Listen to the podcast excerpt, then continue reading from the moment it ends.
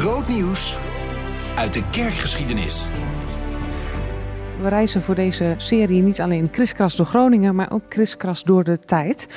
We zijn nu namelijk ineens in een hele moderne kerk. Ehm, modern zeg ik, uh, omdat we natuurlijk allemaal hele oude kerken uh, gezien hebben tot nu toe.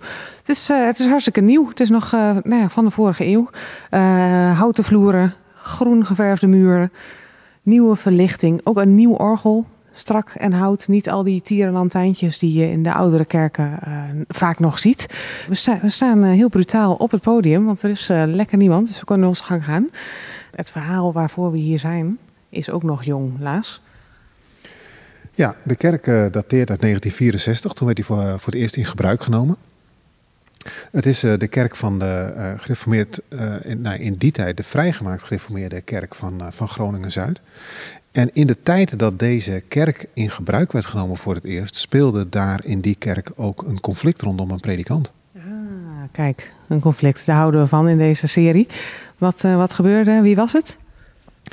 Nou, de predikant die zij op dat moment hadden was, uh, was dominee van der Ziel. Dominee Asjen van der Ziel. En dan moeten we nog een klein stukje verder terug in de geschiedenis. Want die gereformeerde kerk vrijgemaakt is midden in de oorlog ontstaan in 1944. En daar speelde voor alles en nog wat. En uh, onder andere een bepaalde predikant die was uh, verboden om ergens te preken, maar die ging, uh, die ging toch voor en die werd geschorst door de, door de, door de synode. En daar was uh, dominee van der Ziel het niet mee eens. En die werd vervolgens ook geschorst. Hm. Het was helemaal niet dat hij nou per se het eens was met de opvattingen van de vrijgemaakte. Maar hoe er met een bepaalde predikant werd omgegaan. Uh, daar was hij het niet mee eens. Die breuk die ontstond, daar had hij heel veel moeite mee. Dus tussen de gereformeerde kerk, die we later kennen als gereformeerd synodaal, en de vrijgemaakte kerk.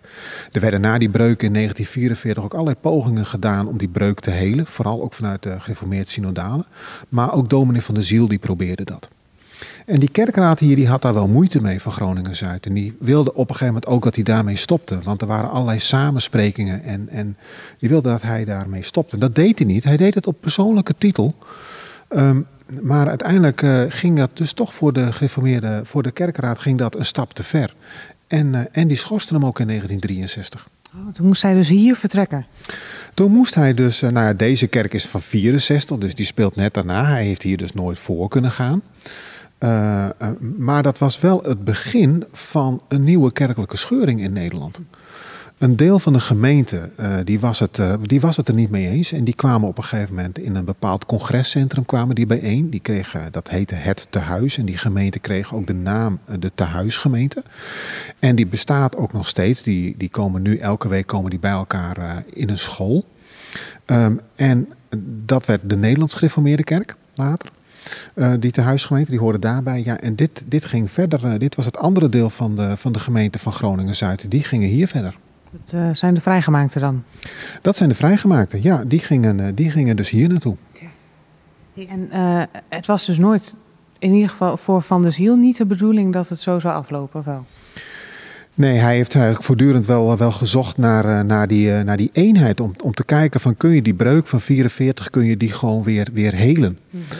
Um, en hij is later ook met een deel van die tehuisgemeente... is hij ook weer gewoon teruggegaan naar de, naar de gereformeerd synodale kerk. Dus ook die hele tehuisgemeente is eigenlijk nog weer voor een deel weer opgesplitst. Een deel is weer, weer teruggegaan. Hij werd later uh, weer predikant gewoon binnen die kerk hier in, uh, hier in Groningen. En, uh, en ging daar ook met, met emeritaat.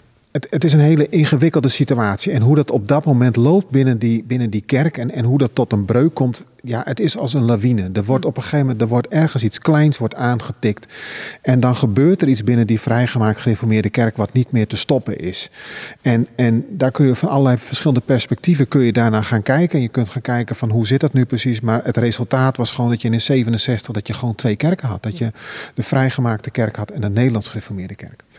Wij zijn hier nu in die, uh, in die Revaia-kerk. Ja.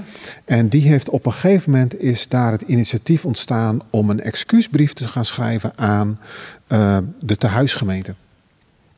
En die werd ook door de leden die die breuk hadden meegemaakt, werd die ook positief ontvangen. En die brief heeft ook zeker bijgedragen. En dan zie je hoe dicht bij kerkgeschiedenis ook komt. Dat dat altijd weer doorgegaan. Dat uh, sinds mei dat de Nederlands gereformeerde kerk en de vrijgemaakte gereformeerde kerk weer bij elkaar horen. Ja, precies. Dat is dus hè, dit jaar nog, mei 2023. Ja. Heel bijzonder. Ehm, ook leuk, de naam van deze kerk en de betekenis daarvan. Hoe zit dat?